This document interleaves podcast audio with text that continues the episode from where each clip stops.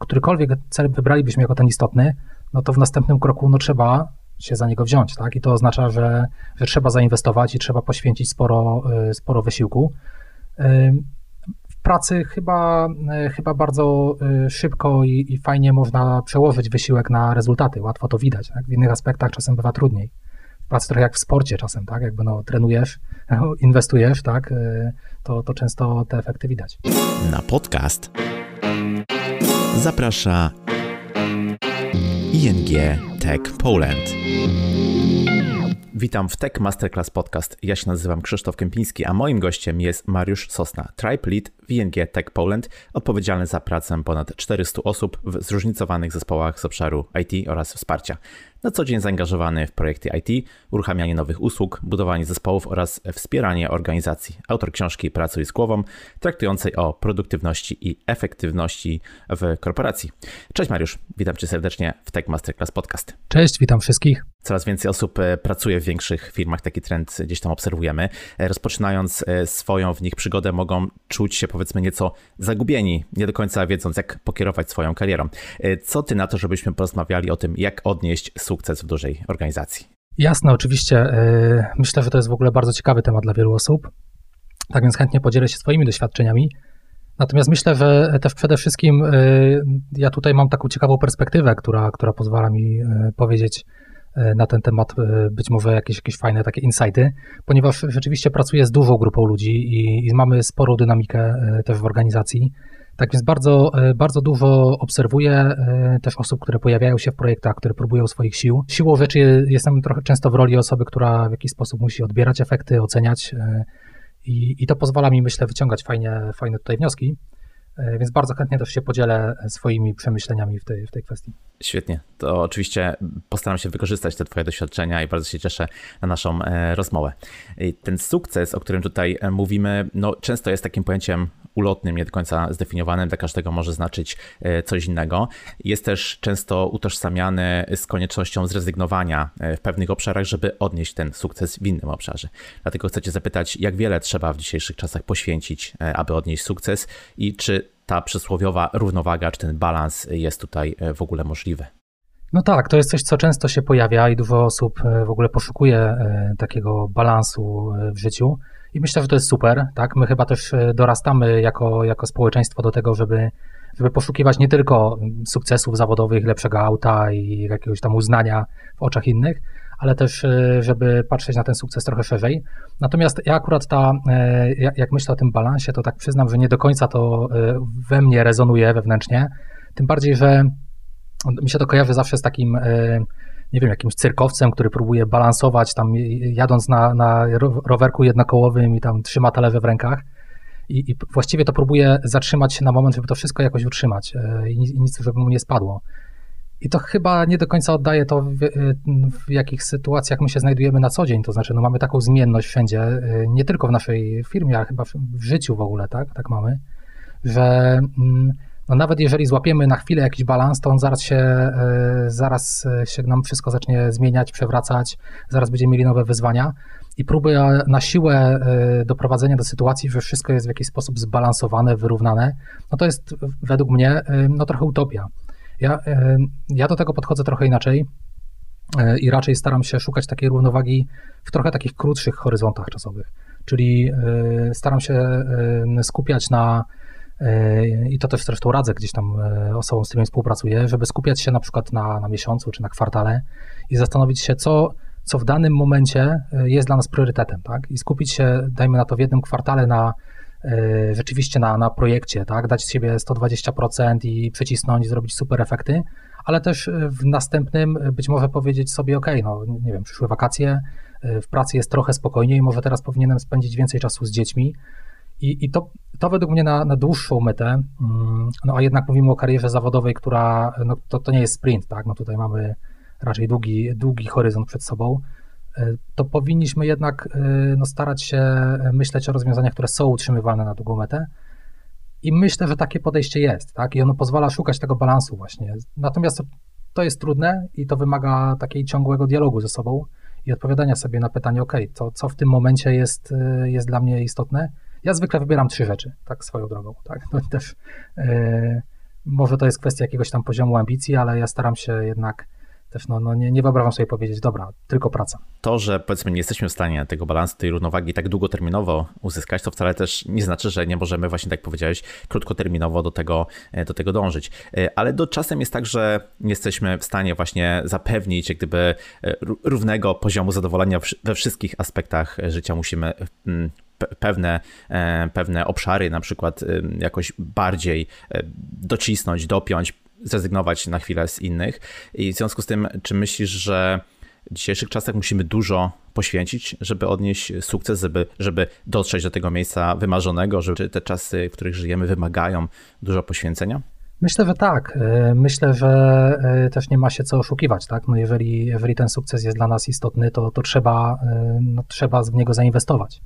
Może warto też wspomnieć, że ja też nie mam takiego poczucia, że akurat ten sukces, e, o którym mówimy, czyli sukces zawodowy, no był jedynym, tak? No przecież możemy odnosić sukcesy na różnych frontach i e, no wszystkie badania, które do, dotyczą e, poczucia zadowolenia z życia czy szczęśliwości, gdzieś tam szczególnie w długiej perspektywie, no pokazują, że jednak są rzeczy ważniejsze niż praca, tak? I, i na przykład relacje między ludźmi chyba wszędzie równo wychodzą jako, jako ten, tak, najważniejszy aspekt. E, natomiast e, rzeczywiście, no jeżeli już chcemy, e, i to może dotyczyć nawet obszarów innych niż, niż praca, nawet relacji, ale w, którykolwiek cel wybralibyśmy jako ten istotny, no to w następnym kroku no trzeba się za niego wziąć, tak? I to oznacza, że, że trzeba zainwestować i trzeba poświęcić sporo, sporo wysiłku. W pracy chyba, chyba bardzo szybko i, i fajnie można przełożyć wysiłek na rezultaty. Łatwo to widać. Tak? W innych aspektach czasem bywa trudniej pracy trochę jak w sporcie czasem, tak? Jakby no, trenujesz, inwestujesz, tak? Y, to, to często te efekty, te efekty widać. Jasne. Będziemy pewnie dzisiaj rozmawiać o różnych odcieniach e, sukcesu, natomiast dla wielu osób praca w dużej organizacji, jeśli myślą o sukcesie, to jest w jakiś sposób osiągnięcie e, pozycji e, menadżera, e, lidera, awansowanie. Po czym poznać, że ktoś ma zadatki na dobrego lidera, jakie kompetencje go charakteryzują? Tak, to jest też taki temat, który pewnie się pojawia w każdej firmie i w kwestii ścieżki rozwoju pracowniczej, to, to zawsze, często jest sprowadzane może do takich dwóch obszarów, takiej technicznej, szczególnie w IT, tak, w branży IT, no to, to jest ta ścieżka techniczna i menedżerska. Ja zawsze jak e, rozmawiam z kandydatem na, na menadżera, to w ogóle staram się go przestraszyć na dzień dobry i powiedzieć mu, jaka to jest straszna robota i w ogóle z czym to się nie będzie musiał zajmować. I trochę tak jest, tak? No to jest specyficzna, e, specyficzna praca i trzeba czuć do niej e, w jakimś sensie powołanie, pewne takie poczucie, że to jest to, co ja chcę robić, bo, bo jeżeli nie, to, to, to raczej można się sporo nafrustrować w pracy, ale kiedy, kiedy rozmawiam też z takimi osobami, staram się ocenić takie trzy obszary. Myślę, że one też pokazują, e, kto jest, kto ma zadatki, kto jest, kto jest kandydatem. E, pierwszy, pierwszym z nich jest na pewno no, poziom jakichś kompetencji menedżerskich. Tak? I one u osoby, która zaczyna taką, miałaby wejść do, taką, do takiej roli, no, są zwykle bliskie zera, tak? czyli no, są to, no, nie ma warsztatu menedżerskiego, jeżeli nie jesteś menedżerem. Natomiast y, docelowo no jest to jeden z fundamentalnych na pewno elementów do rozwoju i można go oceniać nawet u osoby, która, y, która wiele z tym styczności y, nie miała. Można zawsze starać się przenieść takie doświadczenia z, z gruntu współpracy w projekcie czy, czy pracy w zespole, tak, wyróżniania się jako osoba, która gdzieś tam taką bierze na siebie jakąś odpowiedzialność większą. Natomiast no to jest, powiedzmy, to jest taki warsztat, tak? No, drugi obszar, y, no nie, do, nie do przecenienia, to według mnie wiedza domenowa, y, czyli no kompetencje merytoryczne z obszaru, którym, którym przyszłoby zarządzać. Tak? Nie, na dłuższą metę nie uważam, żeby dało się dobrze zarządzać obszarem, o którym się stosunkowo mało wie. Tak? I ta, ta wiedza też szczególnie dla młodych stażem liderów potrafi być wielką odskocznią, a dla osób, które, no, które źle wybiorą gdzieś ten, ten kierunek, no to potrafi być blokadą. I to na pewno byłaby taka rada, którą można by dać dosyć uniwersalnie każdemu. Jeżeli chcemy iść w kierunku roli menedżerskiej, no to szukajmy miejsca, w którym też domenowo będziemy się czuli dobrze. Tak? Nie, nie, nie warto y, zaczynać swojej y, podróży od miejsca, na którym się jeszcze nie najlepiej znamy. Tak? A często ta, tego typu też y, propozycje rozwoju pojawiają się, szczególnie w takich dynamicznie rozwijających się organizacjach, żeby dać komuś szansę, żeby spróbował. No i można się sparzyć, bo, bo, bo też te, e, ta wiedza jest potrzebna. Mm, ale jest jeszcze taki trzeci obszar, który według mnie jest bardzo ciekawy. To w ogóle, to może dotyczy trochę już bardziej dojrzałych e, też e, menadżerów czy, czy liderów, ale no to jest taka, taki, taki faktor X tego, tego równania, no bo często jest tak, że tak jak też to, to, to widzę, że mamy osoby, które znają się na, na obszarze, którym zarządzają, mają świetny warsztat, no ale w sytuacjach trudnych, niejednoznacznych, gdzie pojawiają się projekty, gdzie nie mamy wiedzy, gdzie mamy się zająć czymś, nad czymś wcześniej nie, nie mieliśmy okazji się spotkać, gdzie co więcej nikt nie, nie jest w stanie zadeklarować, y, że będzie tak czy inaczej, tak? czyli pojawia się bardzo duża taka domieszka y, niepewności, no to rolą menadżera jest wtedy jednak stanąć e, w swojej roli i tutaj wziąć na siebie odpowiedzialność za to, żeby, żeby pokierować tym. I to nie znaczy wziąć na siebie pełną odpowiedzialność i podejmować decyzje nie wiedząc, co, co robić, ale to znaczy wziąć na siebie rolę osoby, która się dowie, tak? która to rozezna, która podejmie najlepszą możliwą decyzję. I to są według mnie unikatowe kompetencje i takie osoby ja osobiście bardzo szukam i staram się e, tego typu wyłapać, tak, kompetencje w trakcie rozmowy Dobrze, że powiedziałeś, że kompetencje e, menedżerskie i kompetencje techniczne to są tak naprawdę dwie różne e, sprawy, bo zwłaszcza w IT, zwłaszcza w domenie e, związanej właśnie z, z technologią, obserwuję coś takiego, że często próbuje się awansować osoby, które bardzo szybko osiągnęły e, no, wysoki poziom kompetencji tych technicznych, próbuje się ich awansować do ról e, menedżerskich, przez co tracimy gdyby kompetentnego inżyniera, a zyskujemy e, słabego menadżera i, i, i to, jest, to jest jakby pewien problem, który w IT występuje. Trzeba sobie zdawać sprawę, że to nie jest jak gdyby ścieżka kariery, która musi być pisana każdemu, bo nie każdy chce, nie każdy może się sprawdzić w tej domenie. Natomiast myślę, że mm, pracując gdyby w dużej organizacji, w dużej e, korporacji, no mamy możliwość sterowania tą naszą e, karierą, czy wyboru, czy mamy możliwość wyboru po prostu różnych e, ścieżek, bo nie każdy chce aspirować do roli menadżera czy dyrektora.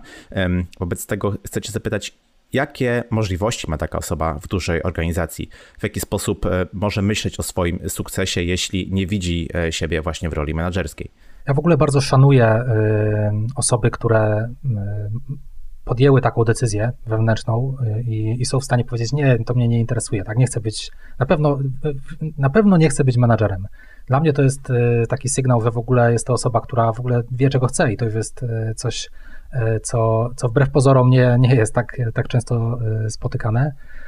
I rzeczywiście, no, no, no jednak organizacje IT, no bo o nich tu, tu rozmawiamy, no przecież są zbudowane na ekspertach, na specjalistach i to oni tak naprawdę, czy one rozwijają te organizacje i dają, e, dają wartość tak, z tego, ze, ze swojej pracy. I e, patrząc też na, na rozwój pracowników, e, czy, czy w naszej firmie, czy w, w mniejszych składach, z którymi gdzieś tam mam okazję czasem bliżej współpracować, to, to na pewno widzę taki trend, który, który ewoluuje z czasem, ale tak jak, tak jak dzisiaj na niego patrzę, to rzeczywiście bardzo wartościowa jest wiedza ekspercka. Taka specyficzna, głęboka w, w obszarze, w jednym obszarze technologicznym, ale ona sama w sobie nie jest wystarczająca już dzisiaj. E, trzeba mieć taki szerszy kontekst, który pozwala nam zaaplikować tą wiedzę E, w biznesie, tak, jakby, które po, pozwala wykorzystać tą, tą specjalistyczną wiedzę. Według mnie przede wszystkim trzeba tak sterować swoją karierą, żeby rozwijać się ekspercko w jednym obszarze, ale nie zapomnieć o budowaniu jednak pewnej głębi, tak, znaczy głębi, pewnej szerokości, tak, jakiegoś e, tutaj e, spojrzenia szerszego. I tu mam na myśli takie bardzo ogólne kompetencje techniczne, które pozwalają nam zaaplikować tą wiedzę, czyli nie wiem, trochę trzeba wiedzieć o sieciach, trzeba wiedzieć o systemie operacyjnym, o bazach danych, trzeba umieć y, pokazać, jak ta nasza wiedza może przynosić wartość organizacji, więc y, to tak stricte y, technicznie, natomiast jest też może taka niepopu- niepopularna, no na pewno kiedy rozmawiamy z pracownikami o, ich rozwoju szczególnie to, kiedy to są eksperci, to, to, to ja zawsze wspominam też o kwestii no, umiejętności sprzedaży tej wiedzy w biznesie, tak? czyli o takich umiejętnościach jak no, prezentowanie wyników swojej pracy, jak e, przekonywanie e, osób nietechnicznych, nie pracujących w IT e, do, do pewnych rozwiązań, do inwestycji. I uważam, że im bardziej ktoś się rozwija w kierunku roli eksperckiej, tym właśnie większy ciężar powinien stawiać na to, jak tą, tą swoją wiedzę wykorzystywać. I, I to, co chcę powiedzieć, to, że to nie jest jakaś wiedza, która, nie wiem, to nie są umiejętności, które się ma albo nie ma, tak? bo to często tak jest, rozmawiam z ludźmi, którzy mówią, nie, ja nie, ja nie lubię prezentować, tak, ja nie, ja nie, ja, weź kogoś innego tam ze sobą, nie, by porozmawiał. Mm, a to jest coś, czego się trzeba nauczyć, to jest coś, to jest coś, co się praktykuje, co się szkoli, co można poćwiczyć e, i potrafi być odskocznią dla, dla kariery. Tak? I ja bym na pewno każdemu radził postawić na, na tą część też nie, nie stricte techniczną. Tak, to jest myślę bardzo ważny e, obszar i e, takie mówienie, że nie po to studiowałem informatykę, żeby teraz rozmawiać e, z ludźmi, myślę, że bardzo się mija z rzeczywistością obecnie, prawda? Tak. Ponieważ tak, tak. No, firmy, pracodawcy poszukują właśnie takich osób, które, które tak jak mówiłeś, nie, nie dosyć, że są ekspertami domenowymi w jakiejś tam wąskiej, powiedzmy, w wąskim zakresie technologicznym, to dodatkowo potrafią jeszcze się komunikować, sprzedawać tą swoją wiedzę i, i myślę, że to będą te kompetencje, które będą coraz bardziej cenione na rynku, a też będą to kompetencje jednocześnie, którymi będzie można konkurować na tym rynku, który jednak coraz bardziej się e, zagęszcza. Tak, tu jeszcze po, pozwól, że jeszcze dodam, że też to, to stawia, e, czy to, mm, to widać jeszcze bardziej w sytuacji, kiedy współpracujemy na, e, w środowisku międzynarodowym. Bo oczywiście w naszej firmie lokalnie to, to jak najbardziej ma zastosowanie, ale jeszcze kiedy potrafimy do tego dodać umiejętność rozmowy po angielsku, y, w, w gronie tutaj takim, takiej organizacji, która, y, no, która współpracuje na całym świecie, to to jeszcze myślę, że można przemnożyć sobie efekty, y, te, te które nam daje taka, taka kompetencja, więc no niby angielski jest już dzisiaj jakimś standardem w miarę, tak, i, i większość ludzi pracując szczególnie w dużych organizacjach, no, no, no wręcz musi tak się, się komunikować, no ale jakość tej, tej komunikacji, co więcej umiejętność prezentacji jeszcze w nie swoim języku, to, to nie jest takie, e, takie jeszcze e, szeroko spotykane, wbrew pozorom to spektrum umiejętności miękkich, o których rozmawiamy, jest faktycznie, faktycznie szerokie, ale no warto zainwestować, myślę, swój e, czas, żeby właśnie zgłębić przynajmniej niektóre aspekty, bo to się nam zwyczajnie opłaci i zdecydowanie będziemy stanowili większą wartość dla naszego pracodawcy, dla, dla naszej firmy.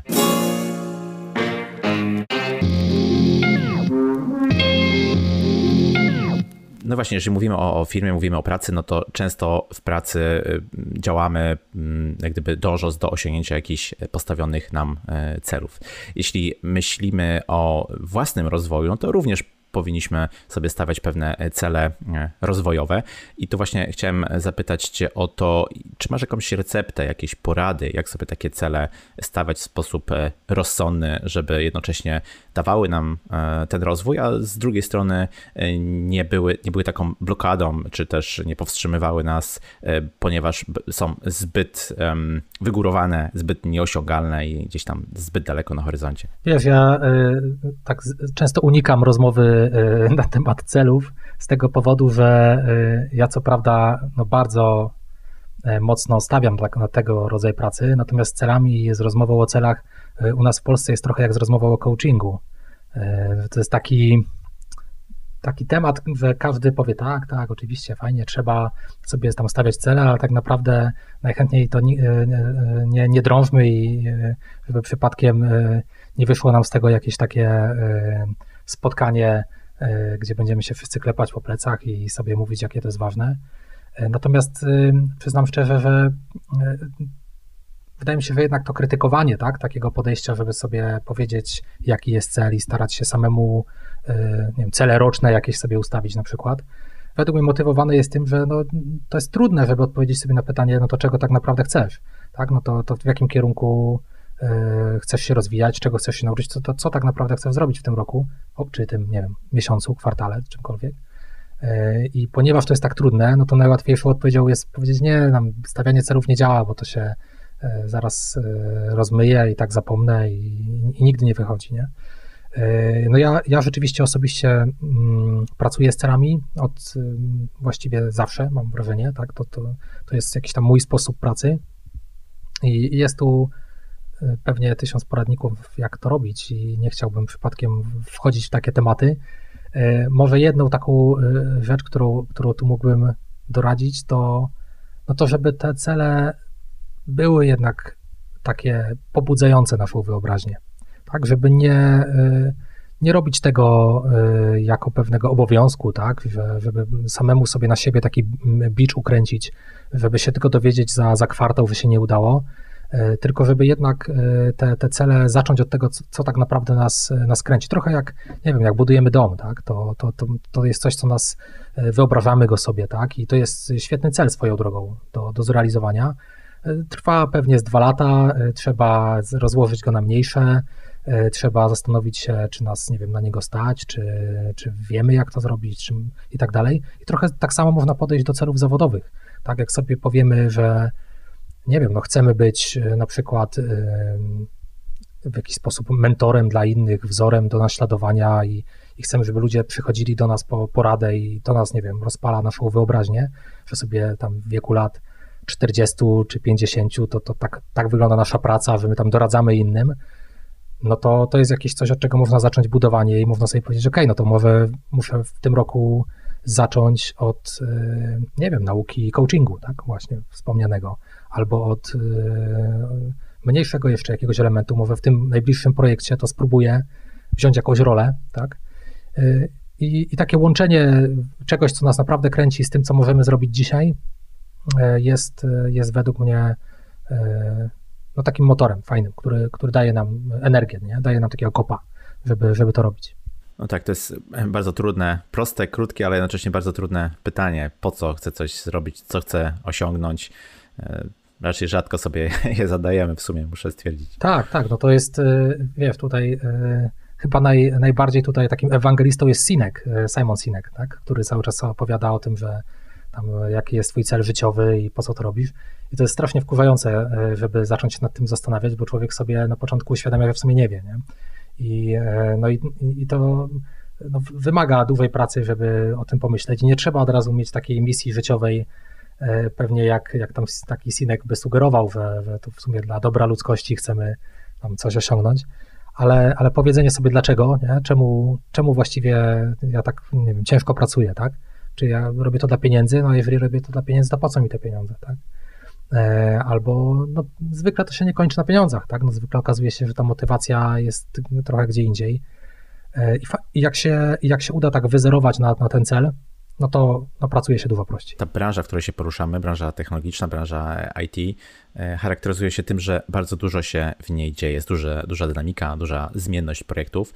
E, no i zdarza się, że zmieniamy pracę, bo zdarza się, że jesteśmy nagle uczestnikami innego zespołu projektowego niż powiedzmy to miało miejsce e, wcześniej, nawet w ramach tej jednej organizacji. Jesteśmy nowi w zespole. Musimy w jakiś sposób pokazać, ile jesteśmy warci, tak? Musimy się w jakiś sposób wykazać. Jakie wskazówki mógłbyś takiej mm, osobie e, udzielić, aby powiedzmy, no szumnie można powiedzieć, odniosła sukces w nowym zespole? To jest dokładnie to, co, co obserwuję na co dzień. Tak? Tych projektów mamy, no w naszej organizacji mamy bardzo dużo. Mm, e, właściwie odkąd, e, odkąd w niej pracuję, to, to gdzieś dynamicznie się rozwijamy. I, no i widzę, jak wiele osób w pewnym sensie potrafi na tym popłynąć, tak? Potrafi złapać taki wiatr żagle jak, e, jaką e, ewolucję przechodzą też. I ja jestem tutaj zresztą dokładnie takim samym przykładem. No, pamiętam siebie sprzed 10 lat, bo mniej więcej tyle pracuję w tej, w tej firmie. No to jest og ogrom czasu. W życiu się nie spodziewałem, że, że to tyle potrwa. Zresztą zatrudniając się miałem takie założenie, że to tak no max 4.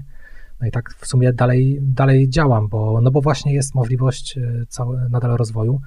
I to jest taka pierwsza rzecz, o której bym tu zaczął, że yy, no przede wszystkim trzeba się upewnić, że to miejsce, w którym jesteśmy, to ono wspiera e, ten nasz rozwój. Tak? I, no i taka firma, w której pracujemy, jest, e, no jest jednym z elementów. Zespół jest drugim, szef jest trzecim. Tak? No to są takie, takie rzeczy, na które, e, na które trzeba spojrzeć. No jeżeli firma nie jest na etapie rozwoju, no to, to pewnie dużo trudniej będzie nam też osiągnąć właśnie jakiś sukces, gdzieś się wybić. ale, ale załóżmy, że to jest, tak, że jesteś już w tym miejscu i nie wiem, podejmujesz się nowego wyzwania, no to na pewno jest też kilka takich rzeczy, które warto, warto by było wspomnieć. Ja bym zaczął może od takiej nieoczywistej, czyli że trzeba trochę odwagi. Tak? Trzeba odwagi, żeby wejść w taką rolę, to raz, ale, ale też trzeba takiej odwagi w codziennej, e, w codziennej pracy. No bo bardzo często właśnie osoby, które wchodzą w nowy temat, to, to, na początku ustawiają się w takiej roli, że w sumie one to jeszcze nic nie wiedzą, w sumie to się muszą dowiedzieć wszystkiego i łatwo jest um, nigdy nie wyjść z takiego e, bezpiecznego gdzieś założenia. E, I, no i to jest w sumie taka krótka ścieżka do tego, żeby w nowym projekcie być po prostu jedną z wielu osób, które wykonują jakąś pracę i właśnie e, asekuracyjnie trochę gdzieś starają się ustalić, na czym to się w takim razie znają i, i się tym zająć.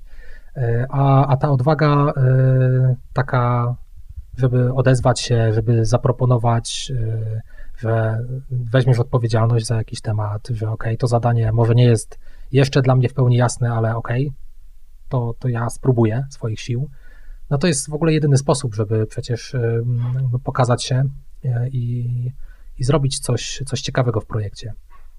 Na pewno takim drugim aspektem związanym też w sumie z tym samym, tak, ale, ale też z, z tym, żeby, no, żeby być aktywnym tak, w, w projekcie, no to żeby proponować proponować rzeczy, które trochę podważają status quo. Tak? Bardzo często, właściwie w każdym, w każdej chyba zespole czy w każdym projekcie no są rzeczy, które e, spojrzysz na nie i od razu masz takie poczucie, kurcze, to jest bez sensu. Nie? Jakby zróbmy to inaczej. E, właściwie po co my, po co my robimy ten, nie wiem, ten, tą fazę, tak, ten etap, e, po co my te dokumenty robimy. I tutaj na pewno nie, nie chcę namawiać nikogo do bycia takim maruderem projektowym, bo to zdecydowanie nie jest dobra droga ale osoby, które e, podniosą rękę i powiedzą, słuchajcie, a może byśmy zrobili jednak inaczej, tak? Może spróbujmy zapytać, czy to jest w ogóle komukolwiek potrzebne, nie? Ten, ten. Może skupmy się na czymś innym. To jest super okazja do wybicia się do, do, do, do tego, żeby też powierzano nam tak, kolejne jakieś odpowiedzialności i możliwości rozwoju. I myślę, że jeszcze jeden, jedna rzecz tak na pewno przychodzi mi do głowy od razu, no to kwestia tego, żeby w ogóle dać się poznać w projekcie. Mm, bo szczególnie w dużych organizacjach ta, to bardzo łatwo zostać takim postacią y, bez powiedzmy widoczności dużej tak, w organizacji, no bo jak zespół ma 20, 30, 50 osób, no to nie wszyscy y, gdzieś są, są rozpoznawani, a ta rozpoznawalność jest potrzebna, żeby się rozwijać. I, I oczywiście nie każdy tego też chce, no ale to to, co chcę zdecydowanie powiedzieć, to, że to jest istotny element. I to najlepiej osiągnąć po prostu budując sobie relacje z ludźmi. Ja zawsze tutaj uważam, że relacje są, są kluczem w ogóle do większości problemów, które gdzieś tam nas spotykają, a to jest tak proste, tak? To jest, to jest banalna, e, banalna rzecz, którą możemy robić na co dzień. Jeżeli e, mamy jakiś problem, e, nie wiemy, jak sobie z czymś poradzić, jeżeli zwrócimy się do kogoś o pomoc, to de facto od razu zyskujemy osobę, którą poznajemy, która trochę staje się naszym, trochę takim partnerem, tak, ty, w temacie, nie? Trochę ją sobie kupujemy, bo, bo, bo poprosiliśmy o wsparcie. E, jednocześnie e, możemy też zawsze sięgnąć do niej, żeby zapytać o to, czy zna kogoś, kto zna się na jeszcze czymś innym, tak? I powoli sobie budować, e, wypić kawę, chociaż w dzisiejszym świecie to, to te, te kawy już są trochę inne, nie smakują już tak z domu. Tak więc na pewno budowanie sieci kontaktów super istotne, bardzo często zaniedbywane. Wiecie, teraz y, słuchałem, gdy mówiłeś o osobach, które dołączają do zespołu, muszą w jakiś sposób się wykazać, albo powiedzmy sugerowałeś, żeby nie były zupełnie entym gdzieś tam elementem całej tej układanki, to przyszło mi na myśl, że w takim powszechnym, powiedzmy, mniemaniu osoby, które pracują w dużych organizacjach, to są takie osoby mocno powiedzmy nakierunkowane na, e, na sukces, które lubią e, rywalizację, lubią osiągać kolejne cele e, zawodowe, mają jakąś taką naturalną tendencję, żeby dążyć właśnie w tym kierunku. Mm, czy z tego dziesięcioletniego doświadczenia, powiedzmy w dużej organizacji właśnie, możesz powiedzieć, że rywalizacja jest faktycznie tak na co dzień widoczna, czy nadal istnieje ten tak zwany wyścig szczurów, a może to już jest mit zupełnie i takie zjawisko występuje stosunkowo rzadko? Z doświadczenia z ING? E, nie. To muszę przyznać, że jest to jedna, jeden na pewno z aspektów, które sprawiają, że te 10 lat tutaj jestem, tak? Pomimo, że nie do końca planowałem i, i w sumie nadal y, dobrze, dobrze mi się tu pracuje i to jest takie, takie środowisko, które mocno mi odpowiada. Na pewno jednym z aspektów jest to, że właśnie tego, tego poczucia, że, że istnieje taka wewnętrzna rywalizacja, ja nie mam na co dzień.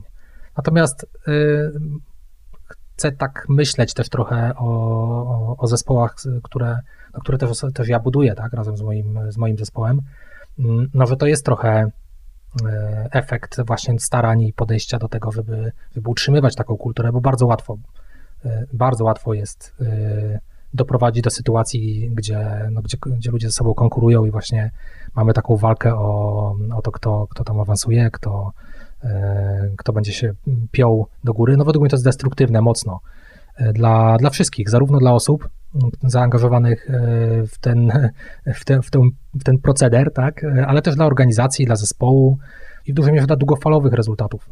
I ja zawsze, zawsze przedkładam długofalową perspektywę od tej tu i teraz, bo, bo bardzo łatwo jest podjąć szybko sobie decyzję, właśnie szczególnie dotyczącą na przykład awansu jakiejś osoby, w perspektywie miesiąca, trzech miesięcy może nawet nam to uratować sytuację, e, no ale w perspektywie roku czy dwóch może się okazać e, bardzo problematyczne i, i ta dłuższa perspektywa jest dla mnie zawsze ważniejsza. Ale też myślę, że mówię, warto zwrócić uwagę na taki aspekt, że e, nawet jeżeli już mamy takie środowisko, gdzie jest duża rywalizacja, to, to według mnie jest taki sposób też poradzenia sobie może trochę z tym. To znaczy skupić się na tym, żeby jednak no, wyróżnić się czymś innym w tym środowisku i tym czymś, czym można się wyróżnić jest bycie na przykład szczerym, e, odważnym w mówieniu, co się myśli, e, nie branie udziału e, od strony takiej tam udowadniania, kto więcej tam targetu zrealizował, tylko no bycie no, no trochę taką, takim pokazaniem, że można inaczej, tak? I, I, wydaje mi się, że można w ten sposób paradoksalnie e, no trochę e, zwrócić uwagę na, na to, że da się inaczej i w ten sposób, kto wie, może nawet wygrać, tak? Takie, taką rywalizację nie? w taki nietypowy sposób i wygrać na wszystkich innych trochę. Myślę sobie, że e, może się zdarzyć, że pomimo tego, że mamy wiedzę i umiejętności, to jeszcze nie potrafimy ich tak stuprocentowo wykorzystać e, w pracy. Ustaliliśmy już, że w dzisiejszych firmach, w dzisiejszych dużych organizacjach no, nie pracuje się w pojedynkę. To są zazwyczaj zespoły, które nad jakimś aspektem, jakimś projektem się pochylają. No i wiadomo, w dużej organizacji czy też w korporacji taka praca wiąże się z tym, że tych informacji krąży y, bardzo, bardzo wiele. Pracujemy na open, open space, musimy się zmagać z natłokiem maili, jakąś dużą ilością y, spotkań. To może być środowisko, które w jakiś sposób y, nas wytrąca z tego pełnego skupienia. Jak być efektywnym, wydajnym, jednocześnie powiedzmy zadbać o ten swój komfort pracy, właśnie pracując w takim środowisku? To jest, to jest w ogóle mój konik, co tu dużo mówić. No jest, to, jest to temat, którym zajmuję się e, od, e, od, od dawna i nawet popełniłem książkę w tym temacie. Też, też w szkole staram się znaleźć w swoim też, nie ukrywam, natłoku obowiązków czas na to, żeby, żeby prowadzić u nas wewnętrznie szkolenia właśnie z obszaru produktywności, tak, systemu pracy. No, y, tutaj temat rzeka, tak? No, można by bar pewnie bardzo wiele powiedzieć. Y, ja może, może tak od, y, od nietypowej strony do tego bym podszedł, że nie jest problemem to, że tej pracy jest tak dużo, tak? No, no, no, no jej jest tak dużo i ona z wielu miejsc nas przebywa. Natomiast problemem jest to, że to nas stresuje i to nas zajmuje, zajmuje coś dużo ważniejszego niż, niż czas, to znaczy zajmuje naszą energię, naszą uwagę. I mm, wydaje mi się, że kluczem do tego, żeby w ogóle móc zacząć realizować jakieś swoje cele, albo znaleźć czas na to, żeby w projekcie no, nie zajmować się odkopywaniem się tak, z, z zadań, tylko e, czymś, co może na, e, nas, nas naprawdę posunąć do przodu, no jest to, żeby mm, przestać spędzać czas na, e, na mailach, na, na spotkaniach bezsensownych. I, I, to jest trudne, bo ten stres, który, który odczuwamy, według mnie w dużej mierze pochodzi z tego, że mamy takie poczucie, że nie panujemy nad wszystkim, tak? Czyli pamiętamy, wiesz, głowa nie służy do tego, żeby pamiętać o tym, że masz jutro zrobić, nie wiem, to i tamto, a na piątek to obiecałeś tam komuś coś i jak cały czas tylko trzymasz w głowie informacje na temat tego, co masz zrobić i o czym nie pamiętasz i masz takie poczucie chaosu, no to jest bardzo ciężko być efektywnym. Więc y, ja bym na pewno każdemu bym y, radził, żeby znaleźć sobie system takiej pracy, który sprawia, że jesteśmy w stanie opanować przynajmniej ten taki mm, codzienny rozgardiaż, taki, y, który, który no jest chyba u każdego widoczny. I na pewno na czoło tutaj peletonu wychodzą maile. Tak? I to, jak ludzie pracują z mailami, wydaje mi się być jakąś patologią naprawdę dużą, która trapi wszystkie organizacje. E, a to jest, to jest narzędzie, tak? Równie dobrze mogło, można by przecież e, maile mogłyby zniknąć, nadal mielibyśmy tą samą robotę do zrobienia, tak? A dla wielu osób to, to czytanie, ciągłe bycie pod mailem, tak? I odpowiadanie tam od ręki na każdego, każdego maila staje się esencją ich pracy, tak? I często nawet po tym, że ktoś szybko odpowiada i, i jest w stanie tam reaktywny jest na mailach, to oceniana jest jakaś efektywność. No to, jest, to jest y, absurd. Tak?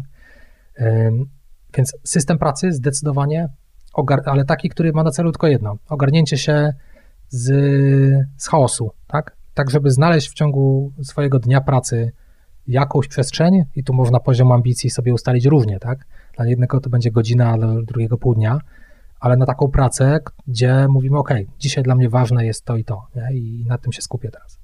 Powiedziałeś, że to jest e, temat rzeka i ten e, system pracy, czy ten system e, produktywności, o którym rozmawiamy, dla każdego może być inny. Tak? Tutaj warto powiedzieć, że to nie jest tak, że mamy jeden z góry narzucony i dla wszystkich skuteczny system pracy. Dobrze by było, żebyśmy go w jakiś sposób dopasowali do, do swoich preferencji, prawda?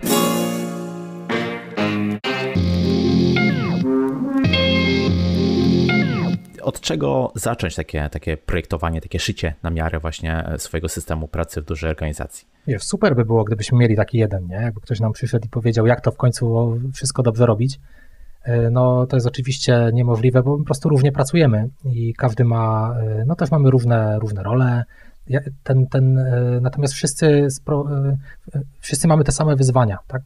I myślę, że dobrym punktem punktem startu e, byłoby to, żeby jednak zastanowić się, e, na ile właśnie ta nasza praca jest skupiona na, na takim ogarnianiu się, takim oporządzeniu wszystkich tematów, które są dookoła, versus taka praca kreatywna trochę bardziej.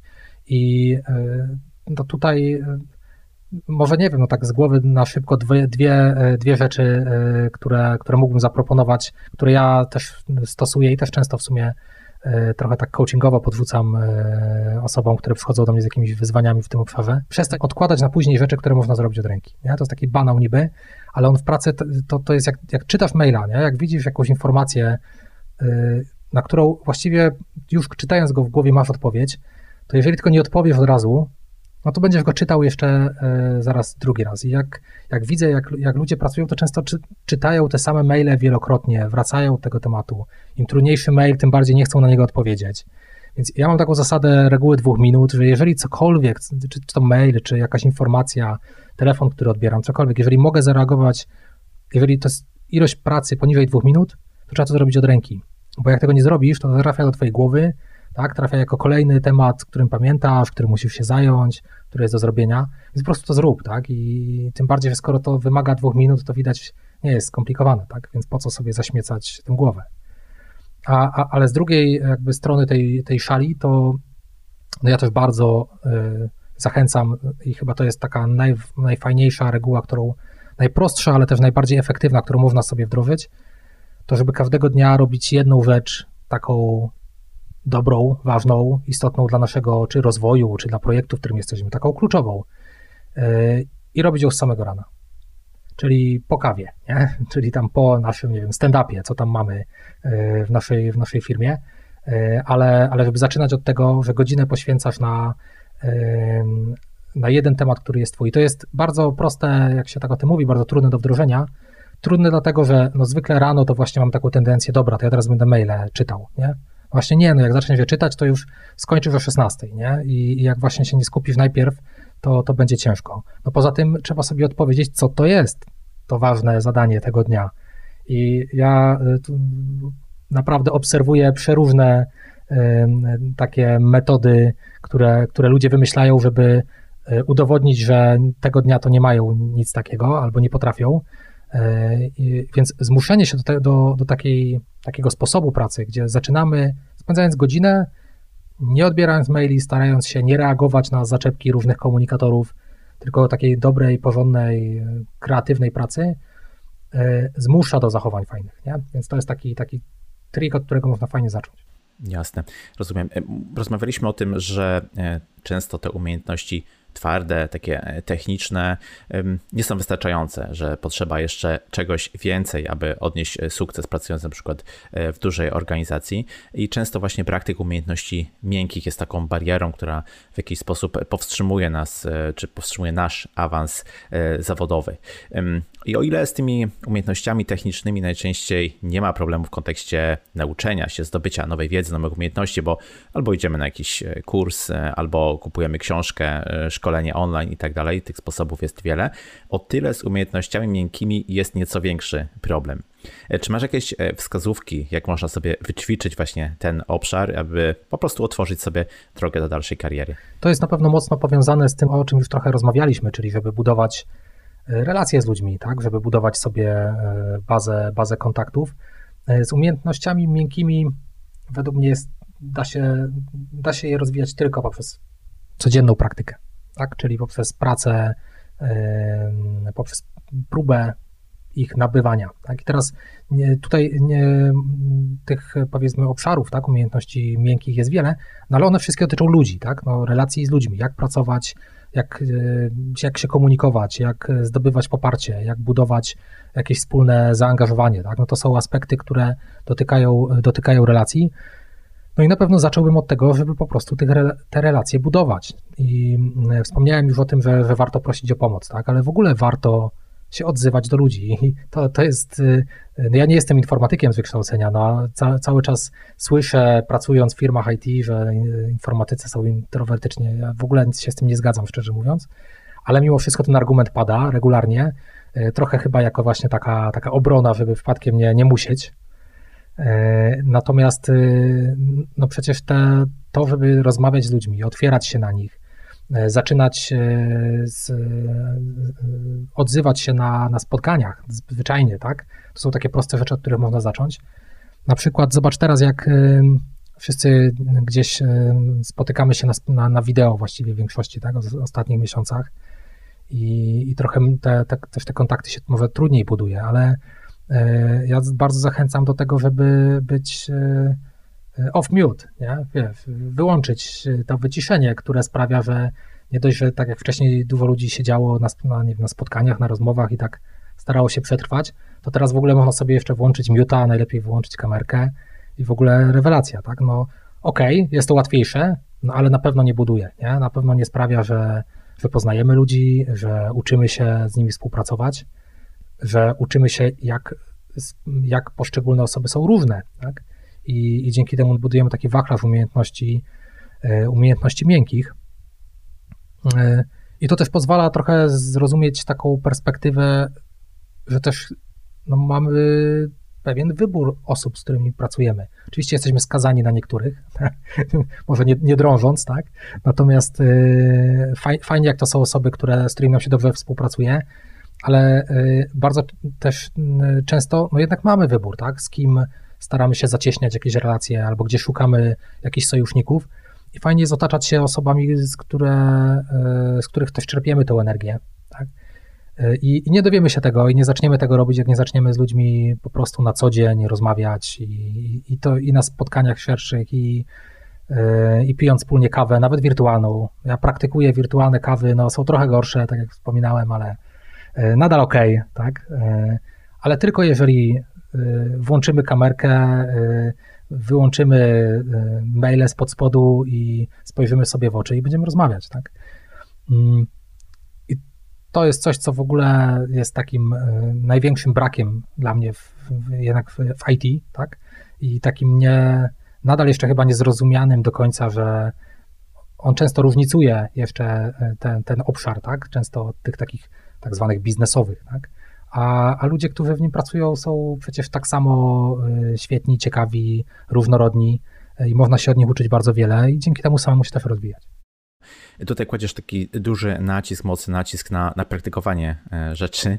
E, i myślę sobie, że każda osoba, która dotarła do tego momentu i przesłuchała wszystkie twoje porady, no ma już jakieś tam e, zaplecze teoretyczne, żeby właśnie odnosić sukces w dużych organizacjach, no ale to jest jak gdyby jedno, teoria to jest jedno, teraz pytanie, jak przekuć te powyższe rady właśnie w czyn, co, co, co radzisz, żeby zrobić z tymi, z tymi radami, w jaki sposób je po prostu użyć w praktyce? Oczywiście to zależy od tego, kto w jakiej sytuacji jest, no ale jakbym miał to, to takie, zrobić taką syntezę do tego, no to co dalej, tak? To no myślę, że, że zacząłbym od rozejrzenia się dookoła. Czy to, gdzie jestem, to jest to miejsce, które sprawia, że czuję, tak? Czuję, że mogę się rozwinąć, że ludzie, którzy mnie otaczają, mój przełożony, moja, moi współpracownicy, tak? Ta, czy ta firma się rozwija, tak? Czy to jest to miejsce? Jeżeli tak, super, świetnie, no bo to już znaczy, że wszystko w Twoich rękach co znowu zostawia cię trochę z pewną y, y, straszną sytuacją, że wszystko w twoich rękach, tak? Y, I, I, nie ma już na co zwalać, y, ale jak już to, jak już to mamy, y, to, no to na pewno y, fajnie jest odpowiedzieć sobie na to pytanie, o którym mówiłeś, czyli no, czy właśnie chcę iść w kierunku takim, menedżerski to jest w ogóle jakiś taki już mocno zawężony, tak? Ale powiedzmy, nie wiem, w kierunku bardziej rozwoju biznesu, tak? Czyli projektu, czy zarządzanie jakimś produktem, czy e, pomoc e, w prowadzeniu jakichś inicjatyw w organizacji, czy stricte menedżerskim, czy też technicznym. Tak więc na pewno fajnie jest się na coś sfokusować, no i tu bym wrócił do, do tego celu, tak? do celów, które gdzieś tam mamy, jakiegoś pomysłu, bo jak już te, to sobie powiemy, to, to naprawdę jest dużo, dużo prościej. No i co? No i wtedy, no według mnie metoda małych kroków. E, i, i warto, warto trochę zmieniać codziennie. E, są tu fajne, różne sposoby, można, można się e, na przykład spróbować z zbudowaniem nawyków. To jest na pewno ciekawy, ciekawy sposób na zmienianie się w jakiś sposób, tak? czyli żeby na przykład wspomniane przeze mnie takie zadanie, które byśmy codziennie robili istotne, tak? no to jest nawyk do zbudowania. Codziennie 9 rano siadam pół godziny, godzina swojej pracy i, i szukanie tego typu, e, tego typu drobnych zmian, które możemy regularnie, często e, wprowadzać. No i uwierzyć trochę, nie? Też w siebie, dać sobie trochę takiego, takiego poczucia, że kurczę, no dam radę, nie? Bo zwykle to się do tego sprowadza, że wszystko jest jednak w naszych rękach. No właśnie, ten, ten, ten sukces, o którym rozmawiamy, może oznaczać dla każdego coś innego. Jest wiele dróg, żeby go e, osiągnąć. W dużych organizacjach mamy wiele e, możliwości, wiele podejść, żeby sukces e, osiągnąć.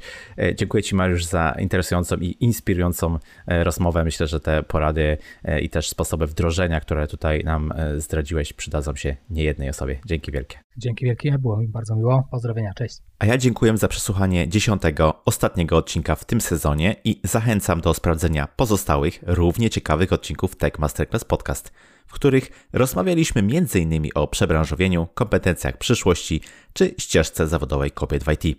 Zapraszam do obserwowania podcastu i do usłyszenia.